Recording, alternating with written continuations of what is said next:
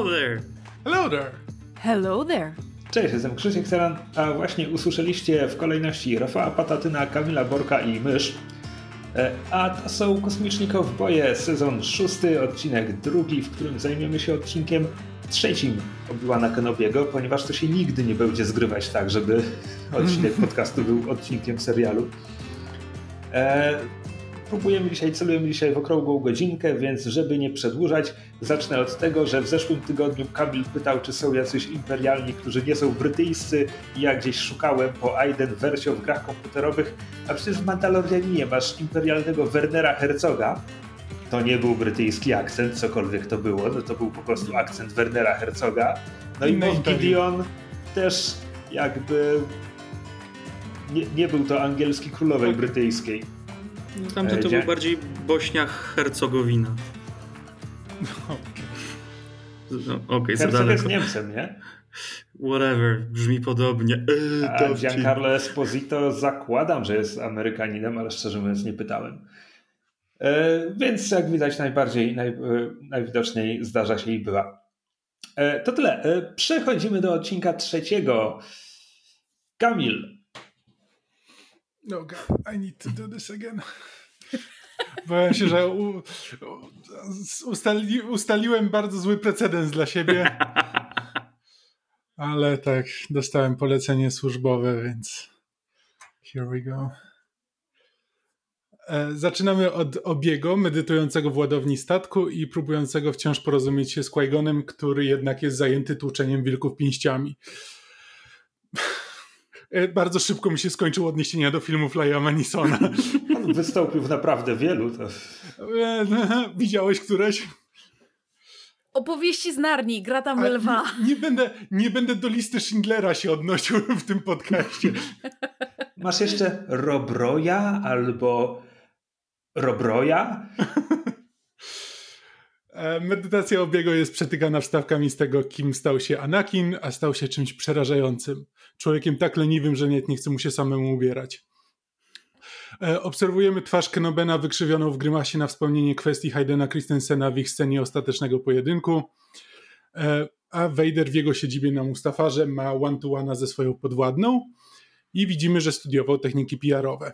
Otwiera komplementem i pozytywnym feedbackiem. Obserwowałem cię, trzecia siostro wyznacza jasne, osiągalne cele, znajdź Obiłana, motywuje pracownicę konkretną zachętą, jeśli się uda, zostaniesz wielką inkwizytorką oraz przedstawia konsekwencje niepowodzenia projektu. Jeśli ci się nie uda, to cię zabije. Zoom wyrzuca powiadomienie, że zaraz minie 40 minut, więc się rozłączają, a Apple Watch Vadera przypomina mu, że siedzi od godziny, więc powinien wstać i popatrzeć na może wizualnej reprezentacji swojej traumy. Wracamy do Obiłana i Lei w ładowni. Obi coś majstruje. Lei wy... Leja wypytuje Benobiego o to, czym jest moc. Dowiadujemy się, że jest jak światło rozświetlające mrok, a że szaleje inflacja, bo Obi-Wan oszczędza na prądzie już od 10 lat. Okazuje się, że Obi majstrował przy Loli, bo wie, po co ludzie oglądają Star Warsy, jeśli przez 40 minut nie będzie na ekranie uroczego droida, czas się przełączyć na Star Treka. Czas lądować na planecie. Dowiadujemy się, że Mapuzo to planeta górnicza, która kiedyś tętniła życiem, ale odkąd pojawiło się to imperium, został tylko step i nie najgorsza muzyka etniczna. Obi i Leia idą na umówione miejsce spotkania, ale twórcom serialu udało się ściągnąć Haydena Christensena, choć jego postać jest zakuta w zbroję 24 na 7, więc pora na pijackie zwidy. Tymczasem Rewa ląduje w siedzibie Inkwizycji, coś tam, coś tam, Obi-Wan na planecie górniczej, rozmawiałem z Vaderem. O, wieloryb. Czy mogę zobaczyć więcej wielorybów? Obi-Wan przybywa na miejsce spotkania, ale ponieważ nikt po niego nie przychodzi w ciągu dwóch minut, stwierdza, że to musi być pułapka i choć Hadzi mógł go wsadzić na statek lecący bezpośrednio do siedziby Inkwizycji, to na pewno jego plan zakładał, że wyśle ich na stepową planetę, będzie liczył, że dojdą na jakieś losowe pole i tam naśle na nich pluton egzekucyjny. E, na szczęście przez pole przejeżdża kosmicznym traktorem krecik imieniem Frek, Leia zaczepia go i choć Obi-Wan wcześniej mówi jej, że ma nic nie mówić, oczywiście Leia wpada w cały szpil, Obi najwidoczniej uznaje, że dobrze jej idzie, bo nawet kiedy przerywa, to Obi stoi i tylko się gapi. Pełne e, imię, kierowcy, pełne hmm? imię kierowcy to oczywiście J.D. Frek. Mhm. Eee... No, Zach Braff. Zach Braff go gra. Tak, ja, ja w pierwszej chwili byłam świecie przekonana, że to Seth Rogen. Tak. Nie, ale jest jeszcze jedno ciekawe cameo. E, to, to idziemy Później. do tego. Tak. E, to, to, Frek oferuje im podwózkę do portu, ale okazuje się, że to krecik nazista, który przyjaźni się z każdym napotkanym szturmowcem i chętnie go podwiezie. Obi i Leia kończą więc napacę z oddziałem szturmowców, którzy szukają jakiegoś Jedi, na co Obi niepozornie poprawia swój płaszcz mistrza Jedi i liczy, że będzie dobrze. Jedną naturalną dwudziestkę na przekonywanie później szturmowcy wysiadają, a Leia ma parę pytań o swoich rodziców. Przy okazji dowiadują się też, że Obi Kenobi miał brata, zanim porwali go Jedi i jestem pewien, że jest to tylko element kolorytu świata i możemy zapomnieć te informacje. Prawdopodobnie tak, bo to jest, to jest starożytny kanon, to jest stare Expanded Universe, które w tym momencie wraca. Ale I serio wo... wierzysz, że nie wykorzystają tego w żadnym momencie do znaczy wprowadzenia kolejnych... W tym, w tym serialu bardzo wątpię. Znaczy, nie wiem, czy w tym serialu, ale jestem przekonany, że jakby będę, będzie ten wątek gdzieś, gdzieś podniesiony. Znaczy, słuchaj, ja nie czytałem tych książek, bo to jest tak, że to jest seria dla młodszych czytelników o obiłanie jako padałanie, a, ale jeśli dobrze pamiętam, no jego, jego brat jest, e, przepraszam, e, nikim. jest statystą w tym świecie. A, czyli tak jak Ray. W starym kanonie. No, przekonałem okay. się. E, Frek dojeżdża do punktu kontrolnego i dowiadujemy się, że jest podłym konfidentem. Tym razem rzuty na przekonywanie nie poszły po myśli Obiego, więc kilka trupów później Obi i Leia przekraczają punkt kontrolny, gdzie natykają się na kolejny patrol szturmowców, ale ratuje ich Tala, imperialna pani oficer o dobrym sercu, e, a gdyby Obi był w stanie usiedzieć na dupie przez 5 minut, nie musiałaby go szukać po całej planecie. Tala zabiera ich do podziemnej kolei dla Jedi, przy której pomagał Quinlan Vos, który jest najlepszy i najpiękniejszy. Poznają tam też droida ładującego Neda B, dostępny we wszystkich dobrych sklepach z zabawkami. Nachodzi ich oddział szturmowców, których jednak gubi brak świadomości klasowej, więc tym razem naszym bohaterom się upiekło. Ale nie na długo, bo Ben wyczuwa obecność, której nie czuł od długiego czasu. Na scenę wkracza najsłynniejszy astmatyk w historii popkultury, który od tak z nudów zabija nastolatka, i zrobiłoby to na mnie większe wrażenie, gdybym nie był w trakcie oglądania czwartego sezonu Stranger Things. E, Obi-Wan to posyła. Jest prawda. może, może przejdziemy kiedyś do Stranger Things w myszmaszu. Ale nie odcinek po odcinku. E, Obi-Wan posyła Leję stalą, a sam postanawia odciągnąć uwagę Vadera. Spotykają się w żwirowni, a Obi-Wan wykorzystuje niechęć do biegania Vadera i po prostu odbiega. E, Vader jednak Mike Myersuje się po żwirowni, więc zaliczamy obowiązkowy pojedynek między mistrzem a padałanem. Pojedynek zakończyłby się tragicznie dla Obi-Wana, gdyby nie interwencja Tali, która ponownie wykorzystuje słabość Vadera, który nie będzie obchodził dookoła pola płonącego oleju, bo to niedystyngowane. A... Pola oleju, które przed chwilą ugasił jedną ręką. Nie. No tak, jakby Vader chce przeciągnąć tę zemstę, jakby ta, tak, masz pokazane na ekranie, że gdyby chciał, mógłby ugasić te płomienie. Jakby. Ale nie chce. Tak. No, Can't be fact. Przejdziemy, ja specjalnie teraz się specjalnie przeskoczyłem trochę tutaj, bo chciałbym poświęcić tym scenom trochę więcej czasu, jak już do tego dojdziemy. I zostało ostatnie zdanie. E, a ponieważ Leia została sama w tunelu, znajduje ją Rewa, która nie potrafi nie być straszna ani na chwilę, nawet po to, by zdobyć zaufanie dziecka. Okej. Okay. E, ja bym tak. E, najpierw omówił odcinek do spotkania mistrza z byłym uczniem mm -hmm. i potem sobie tam pomówimy. Drobne, drobne uważki. Internet już przetłumaczył te, te napisy na ścianach, które zostawiali przemycani Jedi przez, przez ten szlak przerzutowy więc e, w tamtej dziurze przewinął się również e, Caleb Dune, czyli Kanan z rebeliantów, bo tak jest napisane. E, hmm. To chodzi o to, że Gwiezdne Wojny mają ten swój alfabet, Aurebesz. To hmm. nie, jest, to nie jest język, to jest po prostu jeden do jednego podmiana literek. Nigdy nie chciałem się tego nauczyć, ale są ludzie, którzy znają to na pamięć, więc po prostu można na ścianę przeczytać.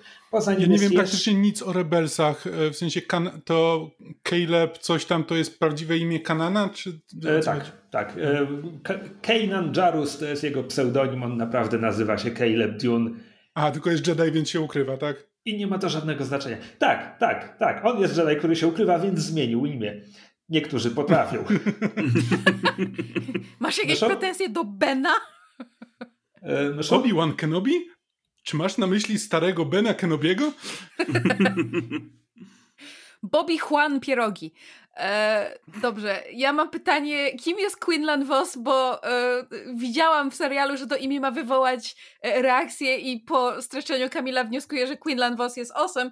Who the fuck? Wspominałem go nawet w, w odcinku tydzień temu. Quinlan Voss oryginalnie bierze się to jest śmieszna historia. Nominalnie on się bierze z Mrocznego Widma, bo na Tatooine tam w pewnym momencie kamera się przesuwa i w tle przy stoliku siedzi śniady mężczyzna z żółtą kreską na twarzy, taką poziomą, przez nos idącą.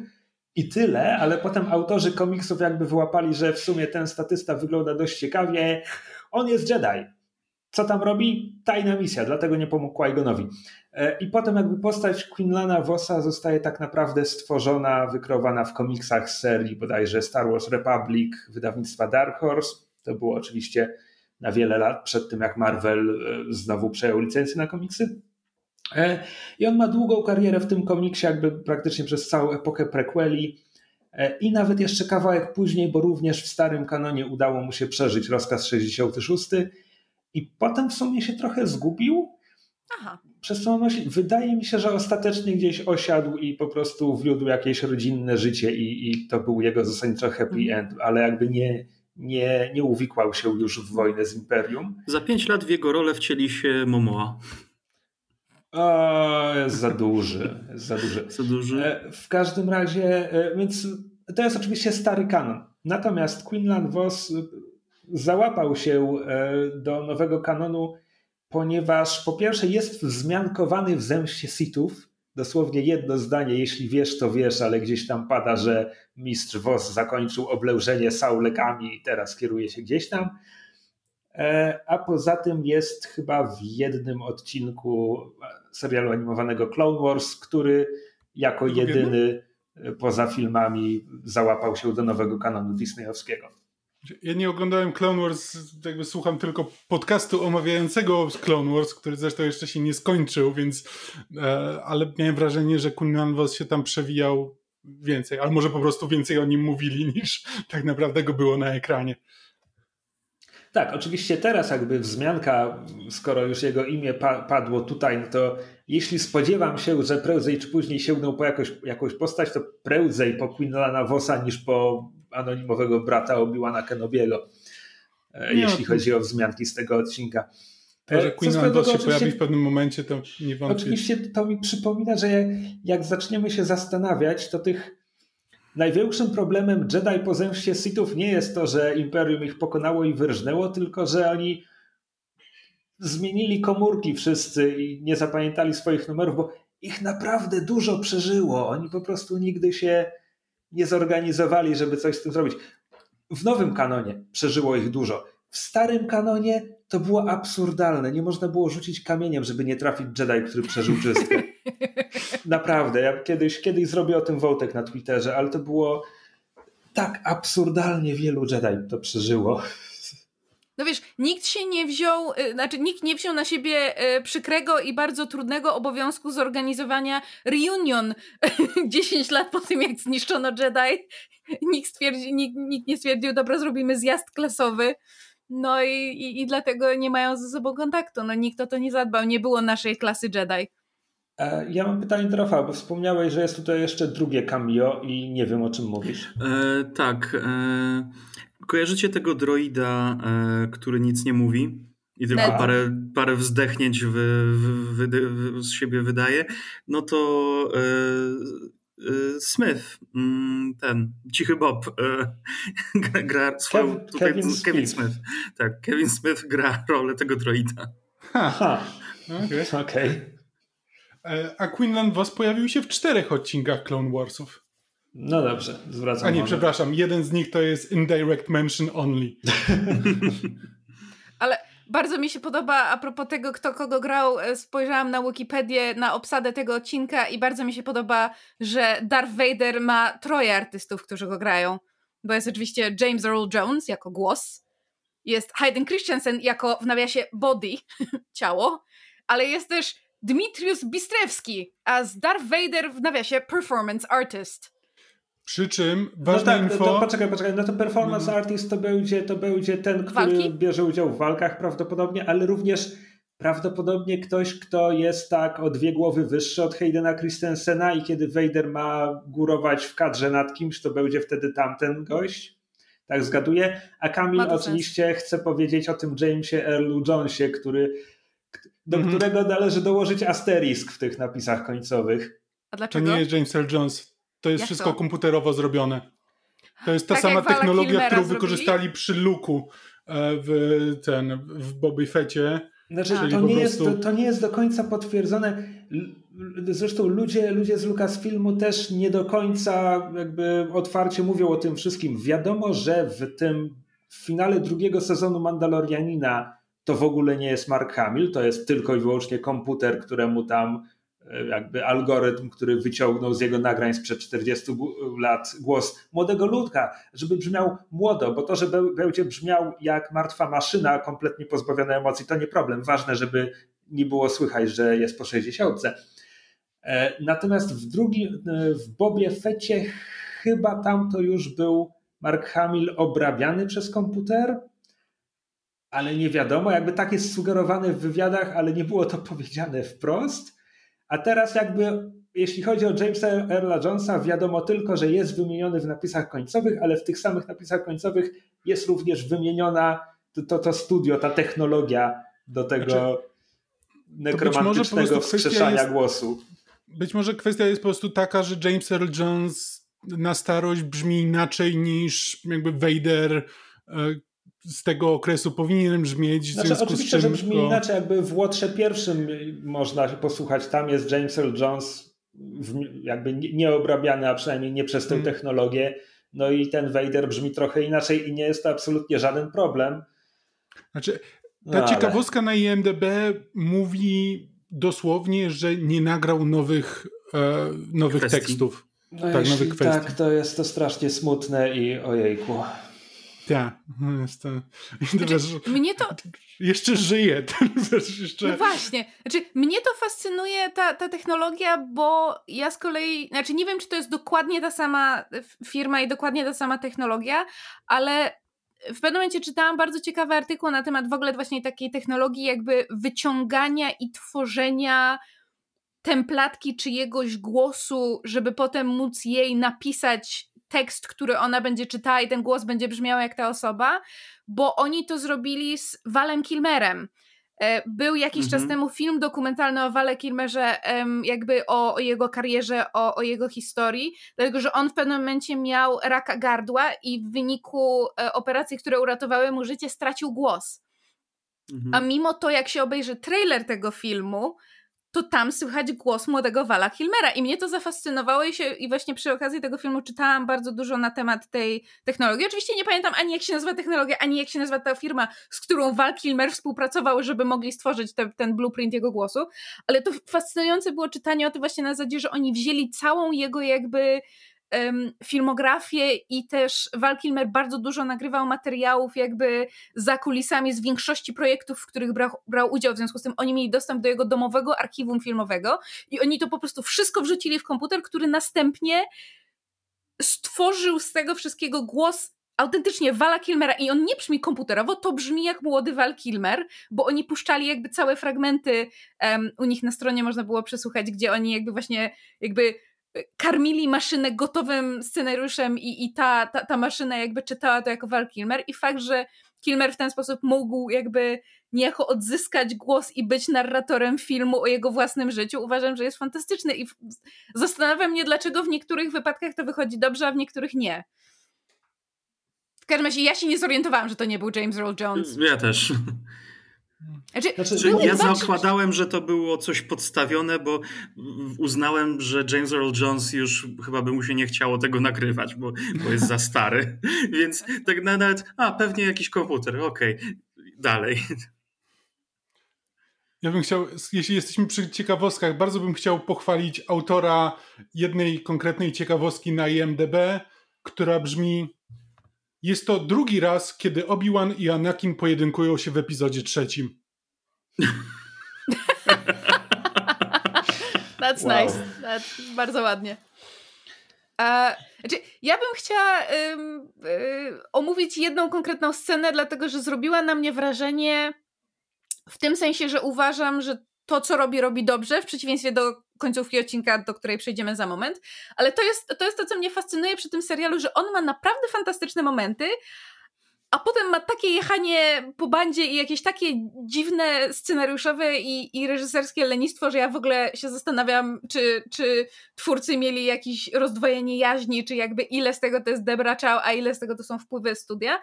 Mianowicie znaczy, mówię poczekaj, o no, scenie... Scenarzystów jest tutaj czwórka, nie muszą mieć rozdwojenia jaźni, po prostu mogą mieć różny styl i gusta, a, Fair, a, a, Debo, ale dobry reżyser nie jest to... jedną z nich.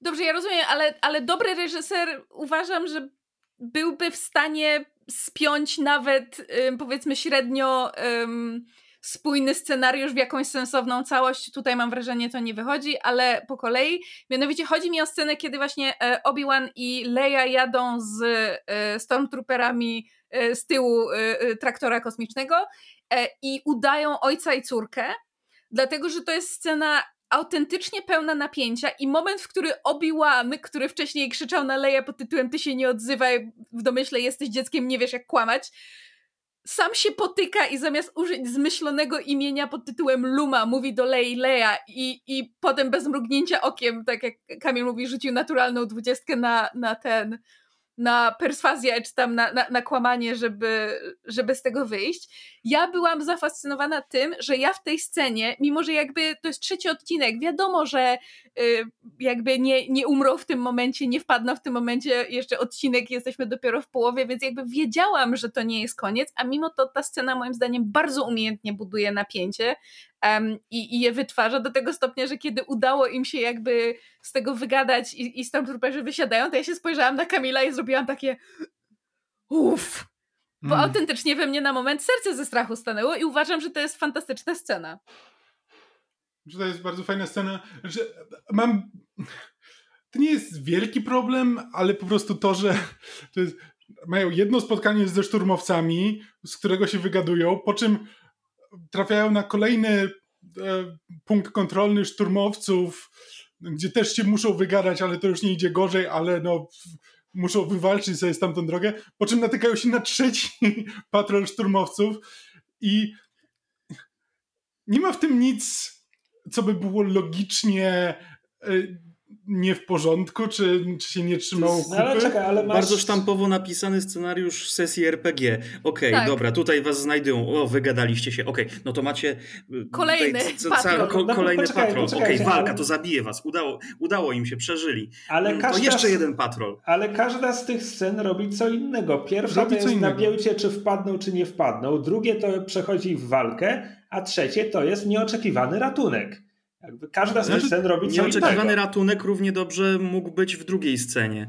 Albo mogli pominąć no, ale, pierwszą ale, scenę. No, ale dru druga i trzecia scena to jest praktycznie jedna scena. Jakby umówmy się, ci szturmowcy przyjeżdżają do, do miejsca, gdzie Obi-Wan właśnie zakończył mordowanie innych Faza szturmowców. Faza turowej walki zakończona, przeszli przez punkt i zaczęła się kolejna walka. Znaczy, dla mnie śmieszniejsze jest to, że, że pod koniec drugiej sceny, kiedy udało się pokonać wszystkich z Woli i Obi-Wan chce, y, że tak powiem, biec z Leją da dalej i nie udaje mu się wyłączyć laserowego szlabanu, to zamiast go obejść, co by było mhm. łatwo zrobić, to on do niego strzela, żeby go rozpalić. I ja mam takie stary, kiedy słyszysz kopytka myśl zebry, a nie jednorożce. Znaczy, znaczy, ja się spodziewałem, że oni pojadą dalej tym traktorem, bo faktycznie jeśli idą, idą na piechotę, to nie bardzo Właśnie, był sens to, to robić. Znaczy ja nie mam... E, to, to, nie jest tak, że to, to, jest, to jest złe, ale po prostu przy trzecim spotkaniu, trzecie spotkanie ze szturmowcami mnie rozśmieszyło. Po prostu emocjonalnie jakby taki reakcja na to była bardziej na zasadzie, że o nie, ty, znaczy bardziej na zasadzie okej, okay, a nie o, o, nie, kolejna rzecz idzie nie tak, bo kolejna rzecz, która idzie nie tak, jest dokładnie tą samą rzeczą, która szła nie tak za pierwszym i za drugim razem. No tak, ale. Nie jest to duży problem. Podoba mi, każda z tych scen jest dobra, każda z tych scen, tak jak powiedziałeś, robi coś innego i jest fajnie nagrana, fajnie zagrana, fajnie napisana. Każda z tych scen sama w sobie jest w porządku. Po prostu jakby to takie spiętrzenie tego samego zagrożenia wywołało we mnie bardziej taki efekt, że okej, okay, co tu się dzieje, czemu tak po prostu cały czas jest to samo. Znaczy to Ale nawet nie rozumiem czemu, logicznie. To, to wciąż jest mistrz Jedi. Tak naprawdę on nie jest zagrożony szczególnie. To, co mu grozi, to jest rozpoznanie, to jest to, że przylecą te posiłki, co już nastąpiło, już go droid zobaczył. Więc tak naprawdę ten trzeci patrol to nie jest na zasadzie, że ojej, czy oni go zastrzelą. No wiemy, że trzech szturmowców nie zastrzeli Obi-Wana Kenobiego. Plus, no naprawdę, ta scena ma ile? 30 sekund. Znaczy, znaczy, to, jest, to jest inna rzecz, że to jest właśnie trzech szturmowców. I jakby fakt, że on przed nimi jakby po prostu składa broń i się kładzie, mimo że wcześniej jakby pokonał więcej szturmowców, była no, też takim na zasadzie... zrobić... Jest to eskalacja na mniejszą skalę niż wcześniej, tym samym zagrożeniem, ale no nie, to nie do końca, bo tutaj... to, że jeszcze tak stoi, widzi, że jedzie kolejny ten, zamiast się cofnąć, chować i szukać do walki, to on stoi w miejscu, czeka aż oni wyjdą, podbiegną, teraz cię mamy.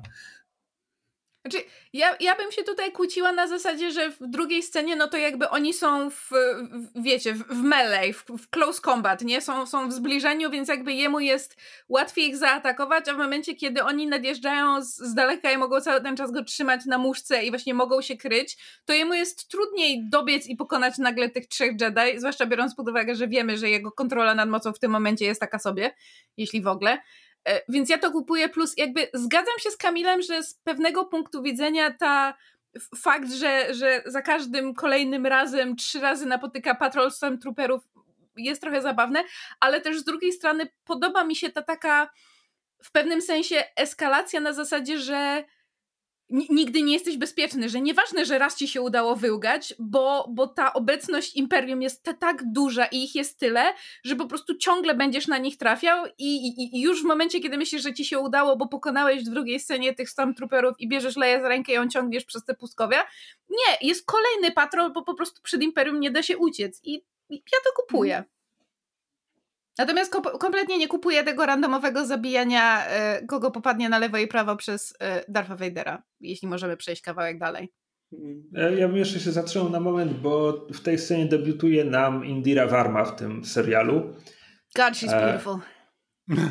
Akt, aktorka znana, powiedziałbym, że przede Również wszystkim z Gry o Tron, jeśli chodzi o taką popularność szerszą, e, która gra, no właśnie, ja myślałem, że kiedy ona zadebiutowała, myślałem, że ona jest po prostu członkinią tej, tej tajemniczej grupy, do której w jakiś sposób należy też Haz, że jest jakąś protorebeliantką, która jest po prostu tutaj przebrana, ale chwilę później dowiemy się, że nie, ona, ona naprawdę jest imperialną oficerką, tylko taką, która zaczęła pomagać tym, tym nienazwanym protorebeliantom. Czy nie, oni się jakoś nazywają, że to jest też droga, tak? Są, są tak, drogą, to jest nazwa, która pada. Ścieżka, droga? Tak. No. A to ciekawe, nie, bo nie wpada w ucho. E, natomiast e, tam, tam jest coś ciekawego, co ona mówi, że ona zaciągnęła się, kiedy imperium coś znaczyło, i znowu musimy wyciągać jakieś informacje ze strzałków, jakby, co to właściwie. Hmm. Co, imperium coś znaczyło. No, no tak, no i Republika obwołała się imperium i wzięła za gardło swoich czy, czy, czy, tutaj mamy rozumieć to, że Tala była przekonana, jakby przekonało ją to, że no faktycznie rozwalili w końcu tych separatystów i zapanował pokój. Twardą ręką, ale pokój. Nie wiem. Nie wiem, bo znaczy, nie ma informacji ja na ten temat. Przez moment, e, zanim się zorientowałem, że to jest właśnie Indira Varma, e, przez moment myślałem, że może wprowadzą postać. To by, w sumie to, to by nie miało logicznie sensu, ale to z, z Battlefronta drugiego. Tam też Aiden jest. wersja.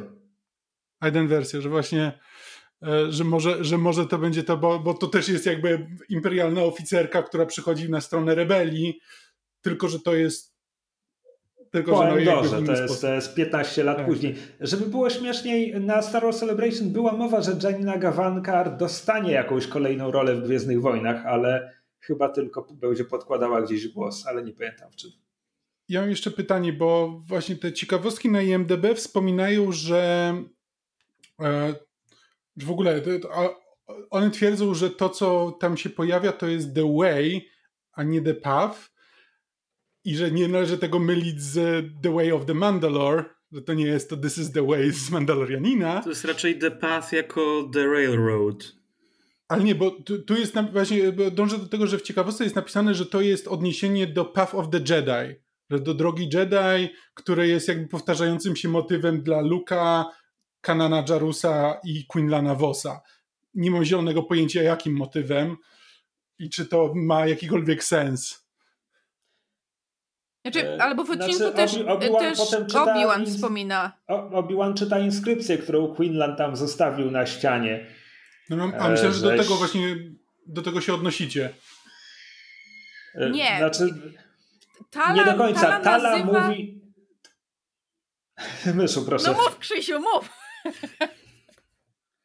Tala nazywa tę ich grupę, organizację, ten fakt niesienia pomocy tym, tym Jedi wrażliwym na moc, że oni są The Way, a jednocześnie w tej samej dziupli Obi-Wan czyta inskrypcję, którą na ścianie pozostawił prawdopodobnie Quinlan, tak? Zakładamy, że to on jest autorem tego cytatu, która brzmi, nie pamiętam dokładnie, ale coś w rodzaju dopiero, dopiero w kompletnej ciemności znajdziesz drogę, czy coś takiego. Dopiero jak zamkniesz oczy, czy coś takiego. Mhm. E, I, I, to jest nawiązanie do Path of the Jedi. E, nie mam pojęcia, co to ma być. Jakby nic mi nie dzwoni, jeśli chodzi o Luka. To, to, to, musi być coś z nowego kanonu, a ja w sumie nie czytałem nic z nowego kanonu z Luke'em Skywalkerem. Hmm. A Quinlana Vossa, znowu nie oglądałem Clone Warsów, więc nie wiem, co mu tam wymyślili. Jeśli to jest ze starego kanonu, to nie kojarzę. Jasne. Także niestety nie pomogę. E, w każdym razie tak, więc jakby Tala intrygujące, intrygujące to jest trochę problem szerszego Expanded Universe, że jakby w pewnym momencie trzy czwarte rebelii to są byli imperialni, gdzie problem po prostu polega na tym, że każda ta postać ma dokładnie tę samą historię i, i mhm. to jest po prostu za każdym kolejnym razem. I to się na, na, nawet postaci, które oryginalnie miały inne, ciekawsze historie, potem zostały przemielone przez nowy kanon. I tak Wedge Antilles, który dorastał jako tam pracownik jakiejś stacji paliwowej, który pozabijał piratów, którzy pozabijali jego rodzinę, coś tam, coś tam, coś tam. Nie. To wyleciało, potem przyszli rebelianci. Wedge Antilles jest kadetem Imperialnej Akademii dla Pilotów, który dezerteruje i dołącza do rebelii. Tak jak wszyscy cholera jasna inni. To nie jest problem talii, to jest po prostu szerszy problem, e, no, że to się po prostu tak strasznie często powtarza. Mhm. Natomiast, e, natomiast sama postać wydaje mi się, że y, może być ciekawa, jeśli ten serial daje, daje jej coś więcej do roboty w kolejnych odcinkach. No tak, to, to jest, ciekawe, to jest główne pytanie. To ciekawe, czy mamy z tych interakcji wyciągnąć, że to Tala tak bardzo potrzebuje, żeby ktoś jej powiedział, co ma robić? Czy ta scena ma nam pokazać, że Leia już jako dziesięciolatka jest tą urodzoną przywódczynią, która powiedzie rebelię w, przyszło w przyszłości? No bo Tala przyjmuje rozkazy od dziesięciolatki tam potem w finale. Tak, która potem ta dziesięciolatka i tak wpada w łapy tych złych, bo jej e, genialne pomysły są pomysłami nadal dziesięciolatki. E, no tak. E, więc to jest to, to jest to. E, Krecik, Krecik, który prowadził traktor, bardzo mi się podobał. Zwłaszcza to, że potem wsypuje Obiłana. Jakby nie spodziewałem się tego. E, to, to było spoko. Ja też bardzo chcę pochwalić wsypuje, jakby no, jego, powiedział, jego sprawdźcie całą go. No, no tak. Ja, ja tak, bym bardzo no, chciała popra- pochwalić jego ich. wygląd. To są te gwiaździste krety, nie? To jest to zwierzątko. Tak. Mhm. Co mają takie gwieździste noski. Tylko, że ten jest kosmiczny mi się rzeczywiście podobało, bo się zastanawiałem przez jakiś czas, czy to, że jakby on ma tą imperialną flagę i jakby mówi, że no, imperium spoko za, za, zaprowadza porządek, czy to jest bardziej to, że no, wie na jakiej jest planecie i po prostu na wszelki wypadek udaje sympatyka imperium, czy autentycznie w to wierzy i jakby fakt, że okej, okay, jakby film na, że to, to, jest sumie, to jest ważne, że film nam, serial pokazuje nam ludzi, którzy wierzą w imperium, nawet tych zwykłych ludzi, e, którym wydaje się, że no owszem, może metody są jakie są, ale porządek to porządek.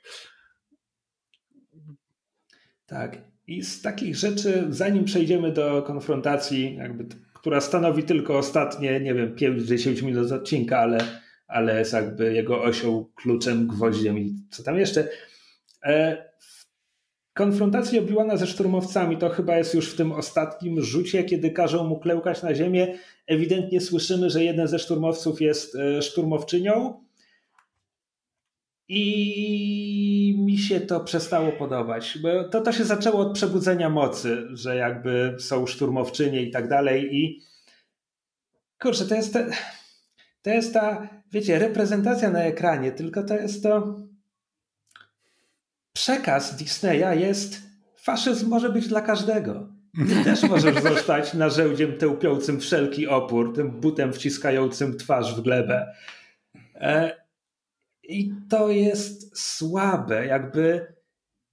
To nawet, to nawet nie było. Znaczy... Bo to jest faszystowskie imperium, jakby one nie są inkluzywne. Faszystowskie imperia gnębią one nie są szansą i okazją dla każdego, ścieżką kariery dla mężczyzny, kobiety, białego, czarnego. No, no nie są, no po prostu nie są. I prawdopodobnie, prawdopodobnie George Lucas nie myślał tymi tropami 40 lat temu, kręcąc tamte filmy, ale znaczy, to. Jak on mógł tak o powiem, tym nie myśleć. To ma sens. To, to, to ma sens, że jakby są biali ludzie w mundurach, z którymi przepraszam, biali mężczyźni w mundurach, z którymi strzela się Leia Organa i Lando Calrissian. I hmm. nie jestem pewien, czy to disneyowskie, hej, ty też możesz być faszystą, jest naprawdę tym Ale to nie jest disneyowskie, który... bo na długo przed Disneyem jakby Gwiezdne Wojny miały ten element tego, że we wszystkich, czy chcesz być po stronie rebelii, czy chcesz być po stronie imperium. Niezależnie od tego, jakie w różnych mediach masz ten taki wybór na zasadzie, że no. I to było jakby.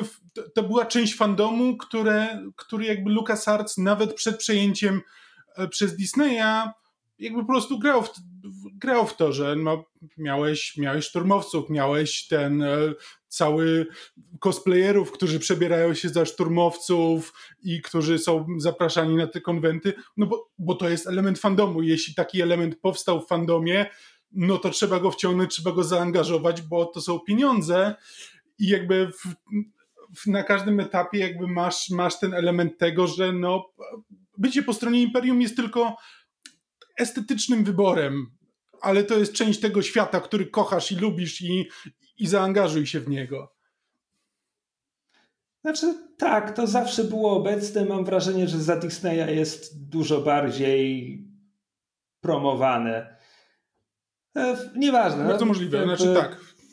Kapitalizm wrzucam, wielkiej myszy B. No, tak. wrzucam tak. swoją refleksję, że moim zdaniem nie tędy droga. Oczywiście możemy sobie mówić, że no tak, ale imperium jest nie jest rasistowskie, bo w, w, świecie Gwiezdnych Wojen wszyscy ludzie są po prostu ludźmi, tak naprawdę nie ma znaczenia, czy są biali, czy czarni, ale jest gatunkistowskie i wciąż ty, tylko ludzie służą w szeregach Imperium i wtedy ten argument ma dwa problemy. Po pierwsze reprezentacja, metaforyczna reprezentacja nie jest do końca reprezentacją, a po drugie tak, ale Gwiezdne Wojny to nie Star Trek i twórcy Gwiezdnych Wojen ekranowych mają w dupie kosmitów i z nich nie korzystają i kosmici są tam tylko statystami i po dobrej stronie też widzimy tylko ludzi, więc ta metafora wtedy nie działa, kiedy złe imperium składające się tylko z ludźmi, z ludzi jest zwalczane przez dobrą rebelię składającą się w 99% z ludzi. Ej, i dziesiątki czubaki, potem zginęły, żeby przynieść wam te informacje. Wiesz co, najbardziej prominentny kosmita w Gwiezdnych Wojnach, Czubaka, on nie ma ani jednego wątku fabularnego. Jest w dziesięciu filmach i... Admirał Akbar? Prędzej Joda. Okej, okay, jest, jest... Joda. No... No dobrze. Tylko Czubaka jest w dziesięciu filmach, dlatego go wymieniłem. Przepraszam, nie w dziesięciu. Nie ma go przecież we wszystkich prequelach. Jest zaledwie w ośmiu filmach. To wszystko zmienia. E, nieważne. Przejdźmy do pojedynku. Ja już się wyprztykałem ze swoich tematów pobocznych. Ja tylko chcę jeszcze wspomnieć, że jeżeli wierzyć um, angielskim napisom, to e, w pewnym momencie e, dwaj szturmowcy, e, chyba właśnie w, kiedy wy, wysiadają z kosmicznego traktora, albo przy drugiej, drugim spotkaniu Obi-Wana ze szturmowcami, dwóch z nich rozmawia o modelu T-16. Więc okay. żart przewija się. A to kompletnie tego nie usłyszałem.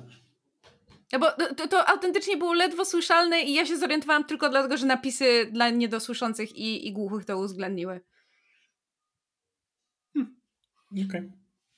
Przechodzimy do pojedynku. That was something. Znaczy, przechodzimy do pojedynku, czy do wprowadzenia Vadera najpierw? No dobra, to wprowadzenie Vadera. Vader idzie ulicą i morduje mocą przechodniów, żeby wyciągnąć Obi-Wana z ukrycia. Brzmi rozsądnie. Tak. Nie widzę problemu. Znaczy nie, po prostu byłem ciekaw, czy ta scena dla was działa w ogóle, czy jakby, czy nie. miała jakikolwiek emocjonalny wydźwięk dla was, czy, czy, czy raczej nie. A, dla mnie miała trochę. Nie jakoś, nie jakoś w bardzo dużym stopniu, ale miałem taki na zasadzie, ok, jakby Vader Vader Vaderowi nie, nie zależy na ludzkim życiu w, w żadnym stopniu. To jest po prostu wszystko rządy terroru. Ja rozumiem, że on zawsze tam force choke'ował wszystkich, którzy mu się sprzeciwili albo coś schrzanili, ale tutaj ci ludzie po prostu no, byli obok jego trasy. No tak, tylko że przejścia, on jakby no. postrzega w tym momencie ludzi jak narzędzia, to eliminacja ich jest narzędziem, żeby wyciągnąć Obi-Wana z ukrycia. Natomiast e, zauważcie też, to nie jest Vader z oryginalnej trylogii. E, I to bardzo będzie widoczne potem w tym, jak kończy się jego walka z Obi-Wanem. To jest, to jest zaledwie 10 lat po, po zemście Sithów. To jest zły Anakin Skywalker pod, pod maską. Zły Anakin Skywalker. Anakin Skywalker był, e, jakby to ująć piękną polszczyzną, petty drama bitch. To jest młodszy Vader, w którym ta nienawiść wciąż płonie. On w mhm. oryginalnej trylogii jest zimny, jest, jest bezlitosny, ale zimny. Natomiast ja kupuję, że zwłaszcza gdy mówimy o jego pierwszym spotkaniu z Obi-Wanem po Mustafarze, kupuję to, że on by płonął w tym. Przepraszam za to sformułowanie, jest, jest e, niewrażliwe ze względu na omawianą osobę, ale e, kupuję to, kupuję to, że ten gniew byłby w nim taki, taki żywy i tak się e, no, unaoczniał. Tak go. No, wiecie, co chcę powiedzieć. Mam nadzieję. Złoty jest... podcasting. No, wiecie, rozumiecie, słuchacze, wiecie. Ja wam nic nie muszę mówić, wy wszystko rozumiecie. O, lecimy dalej. Znaczy, jest to rzeczywiście przynajmniej. E, że chciałem powiedzieć, że jest to jakby odbicie Rewy, jakby w drugą stronę. Jakby Rewa jest bardziej tutaj odbiciem Vadera, jakby przynajmniej widzimy, że Rewa ma dokładnie takie same metody jak Vader. To, to, jest, to jest to samo, nad czym się zastanawialiśmy w poprzednim odcinku, czemu Rewa po prostu jest gotowa mordować od tak na, bez, bez żadnego powodu. Być może dlatego, że chce zaimponować Vaderowi i jakby po prostu od niego się uczy, jakby ma dokładnie ten sam Poza tym, ale... Rafał, mówisz, że Vader zabijał ludzi, którzy mu się sprzeciwiali, ale to nieprawda. On zabijał swoich wiernych podwładnych za drobne błędy taktyczne. No ale nadal jakby miał jakiś powód. No tak, ale zgadzam się, że tutaj powód jest, żeby wyciągnąć -hmm. Obi-Wana. To jest dokładnie okay. to, to, o czym mówił Wielki Inkwizytor w pierwszym odcinku, że ta współczucie Jedi znaczy, zawsze ich wyciągnie z ukrycia. W, w, pewnym sensie, jakby się nad tym zastanowić, może to jest to, co mi przeszkadza, że ta scena tak naprawdę. Znaczy, jakby to, co robi Vader, służy temu, żeby wyciągnąć Obi-Wana z, z, ukrycia, więc nominalnie ta scena powinna więcej nam mówić o Obi-Wanie, niż nam mówi o, o Vaderze. I mój problem z tą sceną chyba wynika z tego, że tak y, dobrze jak y, Ewan McGregor gra wszystko, bo ja go kocham miłością i złego słowa na niego powiedzieć nie dam. I pięknie gra, że tak powiem, y, kompletny szok i, i um, gniew i przerażenie i wszystko widząc, jak Vader zabija niewinnych ludzi. Ale tego jest za mało, tej reakcji, te, te, tego jakiegoś wewnętrznego konfliktu Obiłana, który z jednej strony chce tych ludzi bronić, a z drugiej strony nie chce się ujawniać, a z trzeciej strony to jest Anakin i chodząca za nim trauma, która nagle powstała z zagrobu, bo myślał, że nie żyje i teraz się musi z nią skonfrontować. Jakby ta scena miała mi coś powiedzieć o Obi-Wanie, a nie mówi mi nic oprócz tego, że oh, Legasp, Vader zabija ludzi, Obi-Wan jest przerażony. No fajnie. Ja, ja, no, ja właśnie widziałem więcej tego strachu Obi-Wana, a nie jakiejś chęci o, czy dla... walki ze sobą, że, że chciałby coś zrobić, ale nie może, a dla Tutaj mnie bardziej strachu prostu... Obi-Wana było tu bardzo dużo. Ja nie jestem nawet przekonany, czy on chciał uratować tych mieszkańców wioski. Jakby w poprzednim odcinku niespecjalnie zależało mu na ratowaniu tego jednego Jedi, który się tam napatoczył, a i w tym odcinku jego deklarowaną przynajmniej ambicją jest spowolnienie Wejdera, żeby Tala mogła uciec z Leją, a nie tak, ratowanie ale mieszkańców. Brakuje, brakuje mi jakiegoś takiego, bo w, pierwszym, w pierwszych dwóch odcinkach to jeszcze było jakby z różnych innych kierunków, zarówno od tego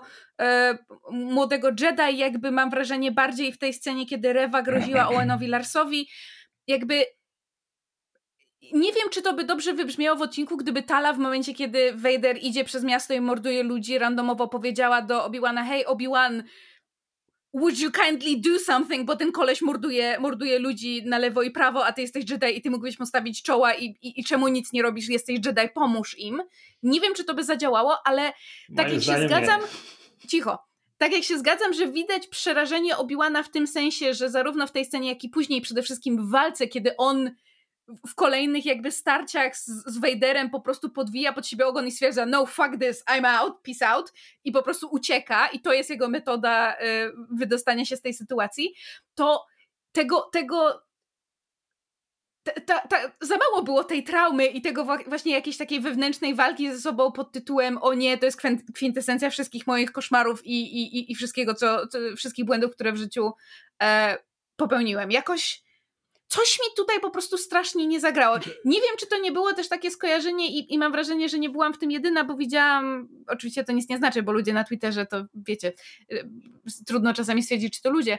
Um, wiele botów mogło pisać te tweety, if you know what I mean. Uh, ale miałam skojarzenie, kiedy Vader szedł przez Mapuzo.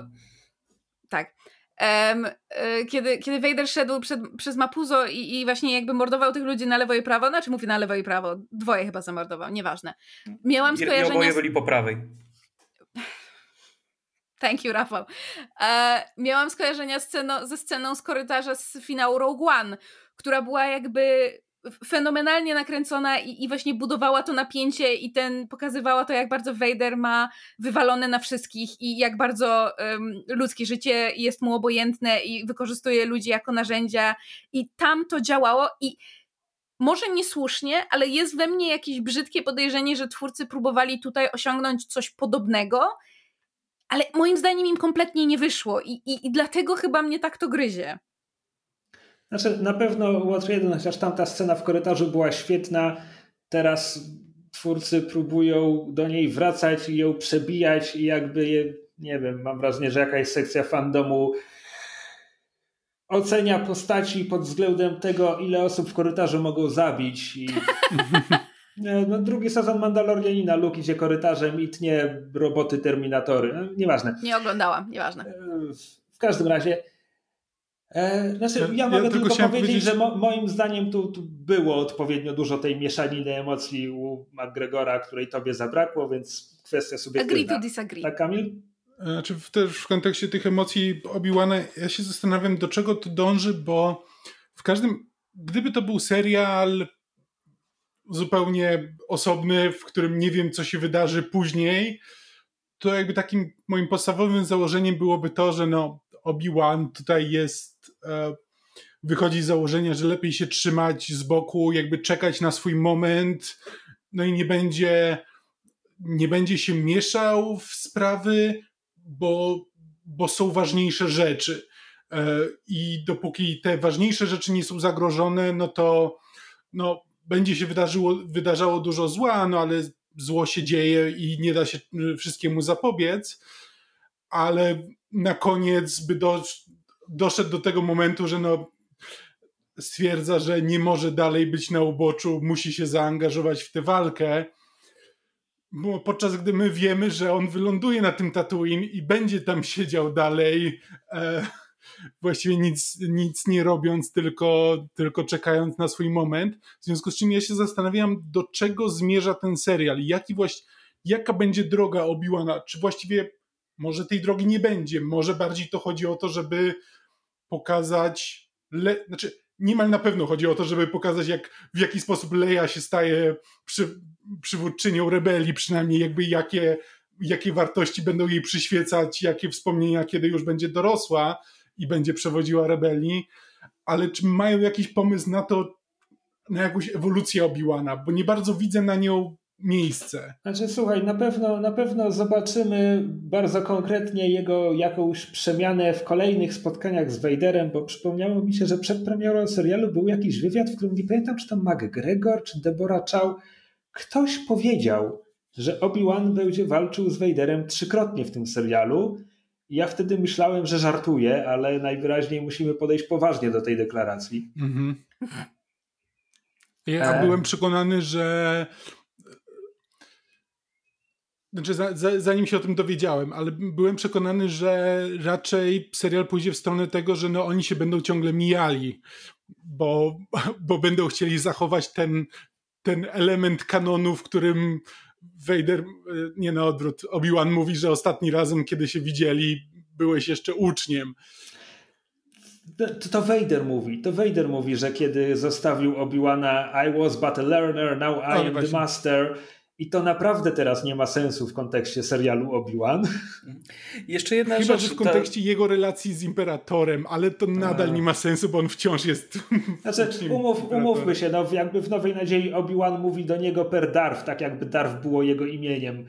Hmm. No, tak, tak to jest, jak coś powstaje przez 40 lat. Nie wszystko będzie potem do siebie pasowało. Czytam komiksy Marvela, wiem. Ja się zastanawiam, ile jeszcze kontaktu będzie miał Obi-Wan z Leją, ponieważ, no, jeśli dobrze pamiętam, w Nowej Nadziei to ona mówiła, tak, e, służyłeś z moim ojcem. Tak jakby nie spędzili ileś dni razem w statku. Znaczy, ona, za, za na, ona na razie nie zna jeszcze jego prawdziwego imienia. A, no nie? tak, nie skojarzy Jesz, Ben jeszcze, Kenobi. Nie, jeszcze tego nie usłyszała. Ale, e... znaczy, widziała jego List gończy, znaczy, tak? O, a, czy, a, czy, był podpisany? List gończy, właśnie nie wiem, czy on był podpisany. Czy ona widziała ten tylko samo zdjęcie? Czy to był autentyczny list Nawet gończy? jeśli był podpisany, to był podpisany Aurebeszem i nie zrozumiesz, co tam było, więc... No, ale tylko... Le, Leja chyba umie czytać Aurebesz, nie? No tak, ale my nie, tam mogło być napisane uzbrojony Ty i niebezpieczny. nie, ale inni umieją. No, nieważne. No zobaczymy, ile jeszcze w następnych odcinkach będzie tego kontaktu, bo im, im dalej w las, tym znaczy... mniej sensu ma to, że ona jako dorosła, 18-letnia dziewczyna, to jest tylko za 8 lat, nie, nie będzie go pamiętała w zasadzie znaczy, Ja autentycznie miałem taką myśl po tych wypowiedziach Kathleen Kennedy o tym, że zrekastowanie tych bohaterów było błędem i że, um, że trzeba się trzymać, że nowy plan Disneya jest taki, że teraz obsadzają nową Leję, nowego Luka, za 10 lat dostaniemy remake e, oryginalnej trylogii znaczy, nie, z tymi nie aktorami. Remake nie, ale jeśli, o ile, o ile w okresie o ile okres dojrzewania nie skrzywdzi tej pary młodych aktorów i wciąż będą wyględni za 10 lat, absolutnie myślę, że oni będą grać Luka i Leję w jakichś kolejnych rzeczach. Znaczy to Ujmę to tak, tak jeśli, jeśli, alternatywą jest film, w którym cyfrowe zombie Carrie Fisher, Marka Hamila i Harrisona Forda będą młodymi Hanem, Luke'iem i Leją, to jakby naprawdę wolę tę opcję, żeby wyhodowali sobie nowych aktorów. Kto wie, za 10 lat może ta, ta technologia już będzie mua, lepsza Nie. niż oryginał. What's dead should stay dead, za, że tak za 10 lat za 10 lat będą ich postarzali po to, żeby mogli grać w erze oryginalnej trylogii i później. Dobrze, ale bo rozmawialiśmy na temat tego, jak, jak e, Darth Vader stalkuje przez miasto i zabija e, dwoje ludzi na prawo, a nie przyszliśmy jeszcze do, do clue odcinka, czyli tego, jak się ganiają po żwirowisku e, niczym Mike Myers z ofiarą. Thoughts. Znaczy, pierwsza ucieczka Obiłana poza kadr jest komiczna. Tak, natomiast, natomiast to ma znika. sens. Exit stage tak. left. To, to, to, ma, to ma dla mnie sens, że on jakby nie dąży do tej konfrontacji, że jej unika. E, no i że potem zostaje rozniesiony na strzępy, kiedy już, kiedy już do konfrontacji dochodzi. To wszystko mi, to wszystko mi pasuje. E, podbicie stawki, jakby Vader, który rozpala sobie grilla, żeby przeciągnąć po nim Obi-Wana, mówię, kupuję to jako tego młodszego Vadera, jako tego Anakina Skywalkera pod hełmem, a nie, a nie jakby Vadera z oryginalnej Który trilogii. ma najprostsze rozumienie frazy poetic irony tak. i postanawiają zrealizować przyciągając Obi-Wana po grillu. E, tak. Oko za oko, grill za grill. E, moje problemy, moje problemy z tą walką, czy ogólnie tymi scenami są dwojakie. Po no. pierwsze, nudna scenografia. Znaczy ja, ja, nie wymagam, żeby każdy pojedynek na miecze świetlne toczył się na, nie wiem, zamarzniętym jeziorze, nad bezdenną przepaścią czy cokolwiek, ale gdyby chociaż tam była jakaś kosmiczna maszyneria w tym, w tym żwirowisku. Tak, a nie wydmy puste A tak, to, to niestety to jest jed... Są dwie stereotypowe lokacje, na których kręcone są fanfilmy i to jest e, las pod Los Angeles i jakieś górki. No i tu mamy jakieś górki. Hmm. To jest nudne wizualnie nie pomaga, nie pomaga zalanie tego, zalanie tego absurdalną ciemnością, jakby flashbacki z finału gry o Tron, nie finału, bitwy o mur w grze o Tron. E... Znaczy, gdybyśmy zobaczyli tę scenę z lotu ptaka, to po prostu by Obi uciekał w kółeczko przed Darth Vaderem, po prostu tam się nic nie dzieje. To nie jest to, że Obi znika za czymś, tylko po prostu no, biegnie może pomiędzy dwoma wzgórkami. To znaczy, jest, ten, ja tam się tak, ukrywa. Mi się podobało wizualnie jako koncept to, żeby tam było ciemno i żeby jakby rozświetlało um, twarze bohaterów miecze świetlne i żeby też elementem tym, który potem rozświetla to wszystko jako tę scenę e, tortu, jest ten ogień. Koncepcyjnie mi się to podoba, natomiast zgadzam się z tym, że to jest wizualnie kiepsko oddane, w sensie jakby nie wiem, czy ta y, ruch kamery, czy montaż, coś tutaj legło i nie zadziałało. Jedno, jedno ładne ujęcie, które z dużego oddalenia pokazuje ten pierwszy moment, kiedy oni naprawdę zaczynają walczyć, że jest wymiana ciosów i oni są tylko takimi małymi figurkami rozświetlonymi przez miecze. To jest ładne. E, kilka, kilka ładnych ujęć w tym jest. Potem to, ten moment, kiedy oni się ścierają na miecze i Vader jest tak oświetlony tym, tą jaskrawą czerwienią, to jest super. Oczywiście jednocześnie przypomina mi się kwestia techniczna, że oni dopiero kręcą, oni w sensie wszyscy ludzie robiący Gwiezdne Wojny, dopiero w przebudzeniu mocy użyli, e, że tak powiem, świetlówek, w sensie rekwizyty, którymi bili się aktorzy, faktycznie rzucały światło, mhm. bo nigdy wcześniej tego nie robili. Wcześniej to były takie białe kijki, które kolorowano w e, komputerze. Są pojedyncze ujęcia, gdzie aktorzy byli doświetlani lampą koloru danego miecza, na przykład w Mrocznym Widmie jest takie zbliżenie na Obi-Wana, na Qui-Gona i Darfa Mola i oni są oświetleni odpowiednimi kolorami swoich mieczy, ale to jest jakby wyjątek. To bardzo ładnie widać, e, jeśli się obejrzy pojedynek Anakina i Duku z ataku klonów, bo tam w pewnym momencie przecinają kabel i jest ciemność kompletna w tym pomieszczeniu i tam widać, że no jakąś czerwoną lampkę rzucili, ale jak się potem obejrzy ten odcinek Obi-Wana, gdzie oni po mm -hmm. prostu walą sobie jarzeniówką w twarz, różnica jest kosmiczna. Ale właśnie, bo ja, ja, jakby to, jak y, ten y, czerwony miecz, miecz świetny oświetla zbroję Vadera jest super i znaczy wygląda super i jakby też jest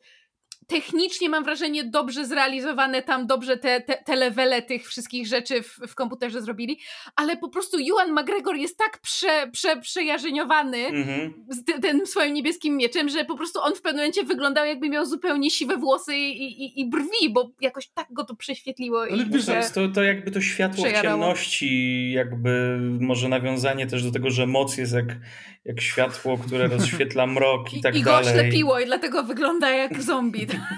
Znaczy, wiesz co, to, że Obi-Wan wygląda trochę jak śmierć w tych e, w tej okay. scenie jest e, jest właściwe. On powie, no tam, gdzie Vader po prostu wygląda imponująco, kiedy go oświetla ten, ta czerwień jego miecza świetlnego, to Obi wygląda jakby miał 100 lat. Aha, więc A... miałem uwagę techniczną i druga rzecz, którą... No właśnie, no, jaka jest ta druga, druga rzecz? No dialogi, dialogi. O ile, o ile jeszcze... Wykonanie i dialogi. O ile jeszcze kupię... No, to, to, nie jest wszystko, no, jakby są jeszcze emocje, gra aktorska, jakby są, są jeszcze inne aspekty. Natomiast e, o ile jeszcze kupię wymianę, e, jak ona była, czy, czy, czymże się stałeś, tym, czy, czym mnie uczyniłeś, spoko, to Darth Vader mówiący, trzeba było mnie zabić, kiedy miałeś okazję, Mhm. O Jezu, no wi wiaderko z kliszami, o bierzemy czerpak i wyciągamy, trzeba było mnie zabić, kiedy miałeś okazję. Dobra, wklepiemy. Hej, przepraszam. Błagam. ciągłość między trzecim epizodem a tą sceną jest zachowana. Jest to dokładnie ta sama postać. Waląca frazesami. Tak. Eee. Nieprzekonywujący sposób. No i potem mamy Grilla, który jakby poruszył, poruszył mnie, no bo mówię, nie widzieliśmy takiego Wejdera. Nie widzieliśmy Wejdera, który jest okrutny, bo chce być okrutny. Jakby Vader torturował Leję, torturował Hana, ale to zawsze było na zasadzie od ciebie potrzebuje informacji i ciebie torturuje, żeby ściągnąć Luka, a Obi-Wana torturuje dla siebie i to jest nietypowe dla tej postaci i ja to absolutnie kupuję w tej konkretnej sytuacji.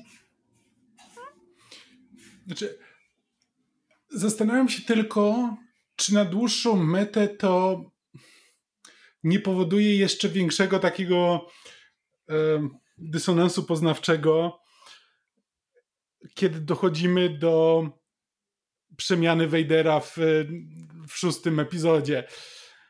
Jakby im więcej, im bardziej podkreślamy tę jego nieludzkość, tym bardziej te, ten redemption arc jego jest też nieprzekonywujący. No ale pamiętaj, pamiętaj, że e, Obi-Wan jest absolutnie na nie, kiedy Luke mówi, że a może, a może jest w nim choć trochę dobra. Jakby Obi-Wan mówi, mowy nie ma, postawiliśmy na nim kreskę, nie próbuj synu, nie próbuj.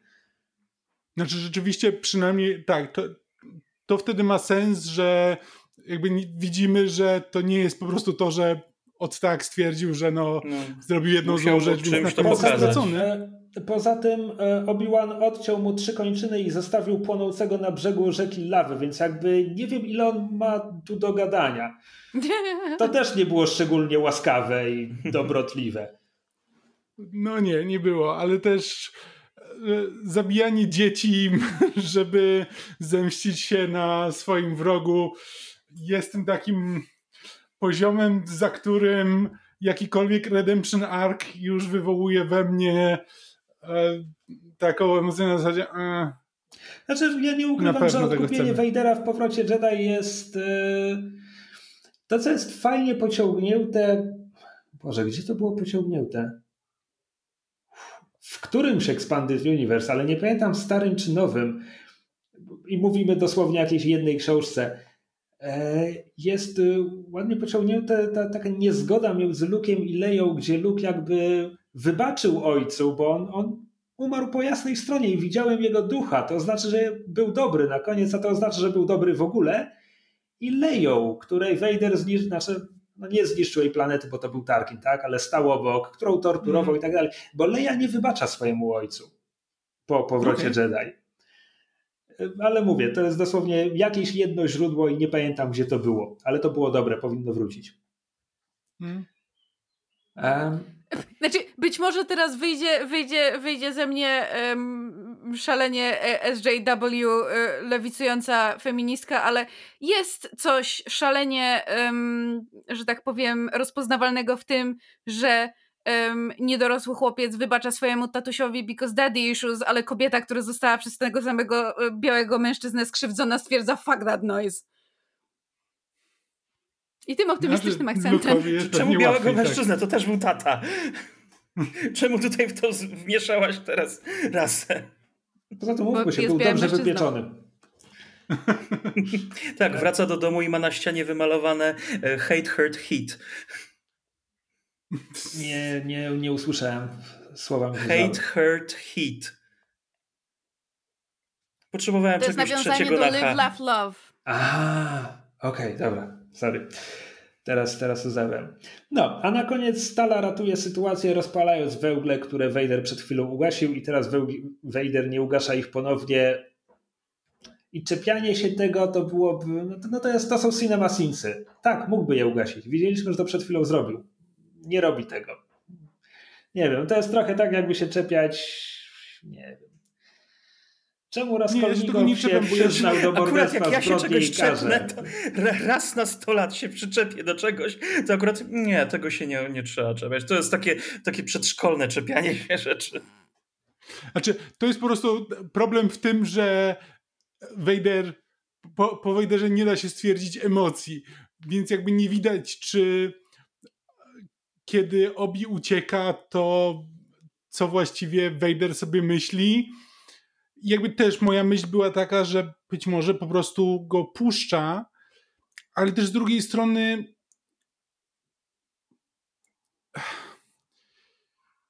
biorąc pod uwagę, że sami teraz mówiliśmy, że to jest ten płonąca nienawiść do Obi-Wana, to to, że on stwierdza, puszczę go sobie, później się nim zajmę, nie wiem na ile to kupuje. Okej, okay, racja, racja. To ja dodam, dodam Asteris do tego, co przed chwilą powiedziałem. E, wstrzymuję się z oceną do końca serialu. Bo, bo faktycznie, jeśli on, jeśli on potem na przykład kolejny odcinek będzie o tym, że Vader nie może go złapać i potem w piątym odcinku Vader będzie wściekły, że Obi-Wan mu się wtedy wymknął, no to tak, to, to będzie durne, mhm. kosmicznie durne. Ale zobaczymy. Liczę, że coś tam jednak nie wiem, no po tych, po tych trzech odcinkach jakby jestem na tak, czepiam się rzeczy, ale ogólnie jestem na tak. Na pewno jestem na tak dużo bardziej niż przy księdze Boby Fetta. Na razie wydaje mi się, że jestem na tak bardziej niż przy drugim sezonie Mandalorianina, a pierwszy to była tak zupełnie inna bestia, że nawet trochę trudno to porównywać.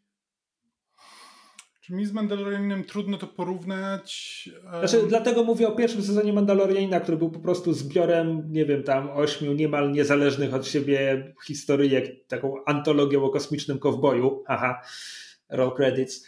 E, natomiast drugi sezon już miał dość konkretną historię, jakby opowiadał jedną fabułę tam z kilkoma tylko pojedynczymi wrzutkami, dlatego wydaje mi się, że mo można je kontrastować z Obi-Wanem. Czy tak, a przy tym zupełnie inaczej oceniam te seriale, bo jakby Mandalorianin przynajmniej robi coś, e, jakby wraca do wątków, które są nowe. Wiadomo, nie są zupełnie nowe, bo, bo są częściowo z Clone Warsów i tak dalej, ale nie są tym podstawowym ciągiem fabularnym pomiędzy e, nową trylogią, starą trylogią. W związku z czym jakby to oglądam i emocjonalnie jestem trochę bardziej zaangażowany, ale też zdaję sobie sprawę, że twórcy muszą zrobić zdecydowanie mniej, żeby mnie emocjonalnie zaangażować, bo no tak, no znam bo, no te postaci, mamy... już mam pewną wiedzę o nich, mam pewne oczekiwania wobec nich i mogą na tym grać. A Mandalorianin tak, się to od nowa wprowadzić. Tutaj mamy tekst o parze głównych bohaterów przynajmniej prequeli, tak? No w oryginalnej trylogii Obi-Wan jest drugoplanowy, no ale tutaj mamy coś o głównych bohaterach, co jakby też dlatego oczekiwania moje są wyższe, jakby ten serial dużo bardziej musi uzasadnić swoje istnienie dla mnie mhm. w moich oczach od Mandalorianina, który po prostu jest, no hej, jest tutaj taki łowca nagród i on ma przygody w kosmosie i to jest serial o nim. Spoko. To jest Obi-Wan i Vader. Opowiadamy tę historię, po co? Po co? Niech mi powiedzą, po co opowiadają tę historię, zwłaszcza, że ich scena z Nowej Nadziei po pierwsze mówi, że się nie widzieli od zemsty Sithów, no a po drugie jakby nie sugeruje, że jest tam wielki nieopowiedziany rozdział. Więc... Znaczy, no właśnie dlatego ja się zastanawiałem, jaka ma być droga Obiłana w tym filmie.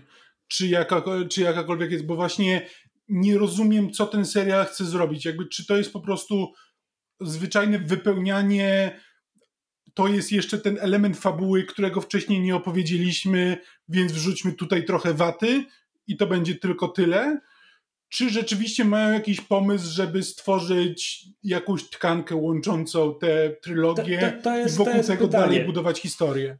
To jest pytanie, czy na ten serial jest pomysł i faktycznie za trzy tygodnie spojrzymy wstecz i powiemy tak, okej, okay, dobrze, że to zrobili, dobrze, że opowiedzieli tę historię, teraz moje rozumienie Nowej Nadziei jest, jest inne, może nawet nieco głębsze, czy też jest to serial, który w trzecim odcinku podpala Obi-Wana, żeby on w czwartym odcinku musiał ściąć włosy i tak dowiemy się skąd miał fryzurę Aleka Guinnessa z Nowej Nadziei, a nie Obi-Wana Kenobiego z prequeli.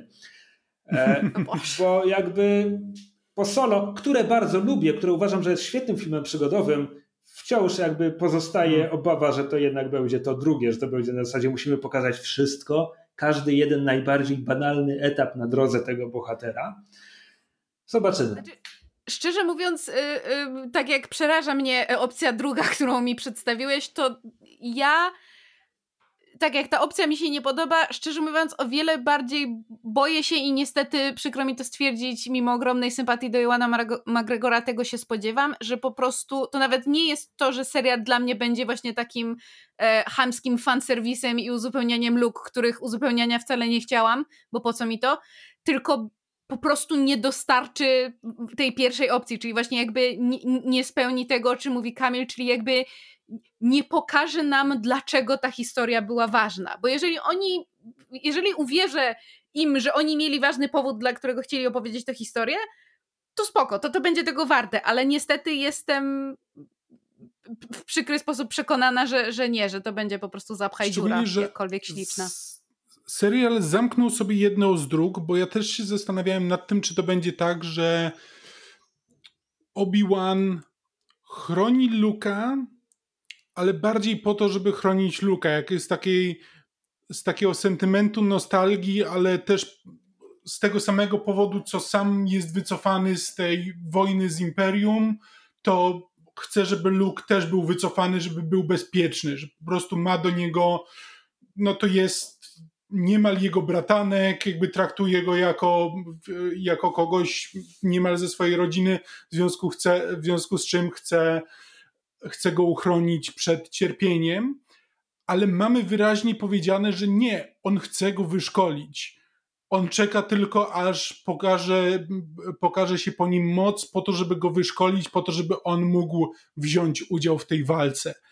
W związku z czym to nie jest kwestia tego, że właśnie Obi-Wan przekona się, że okej, okay, jakby mamy tutaj coś do zrobienia i no będzie to trwało dłuższy czas, ale jest o co walczyć i będziemy walczyć, nawet jeśli to będzie za kolejnych 10-15 lat. Ale, ale na tym etapie to właściwie nie wiem, co on ma tutaj zrobić, czego mógłby się dowiedzieć i w jaki sposób mógłby, mogłaby się zmienić jego perspektywa. Po prostu nie mam kompletnie pomysłu nawet na to. teraz, teraz jak mówiłeś, naszła mnie przerażająca myśl, że ponieważ ten Luke pojawił się tutaj tylko na jedną scenę, że Luke tutaj jeszcze wróci i że w ogóle akcja wróci na Tatooine lub w okolice Tatooine i to razem z Vaderem i że zwycięstwem Obi-Wana w tym serialu będzie to, że uda mu się sprawić, że Vader się nie dowie o Luku, tylko że najpierw Vader musi się znaleźć dużo bliżej Luka, żeby w ogóle było takie ryzyko.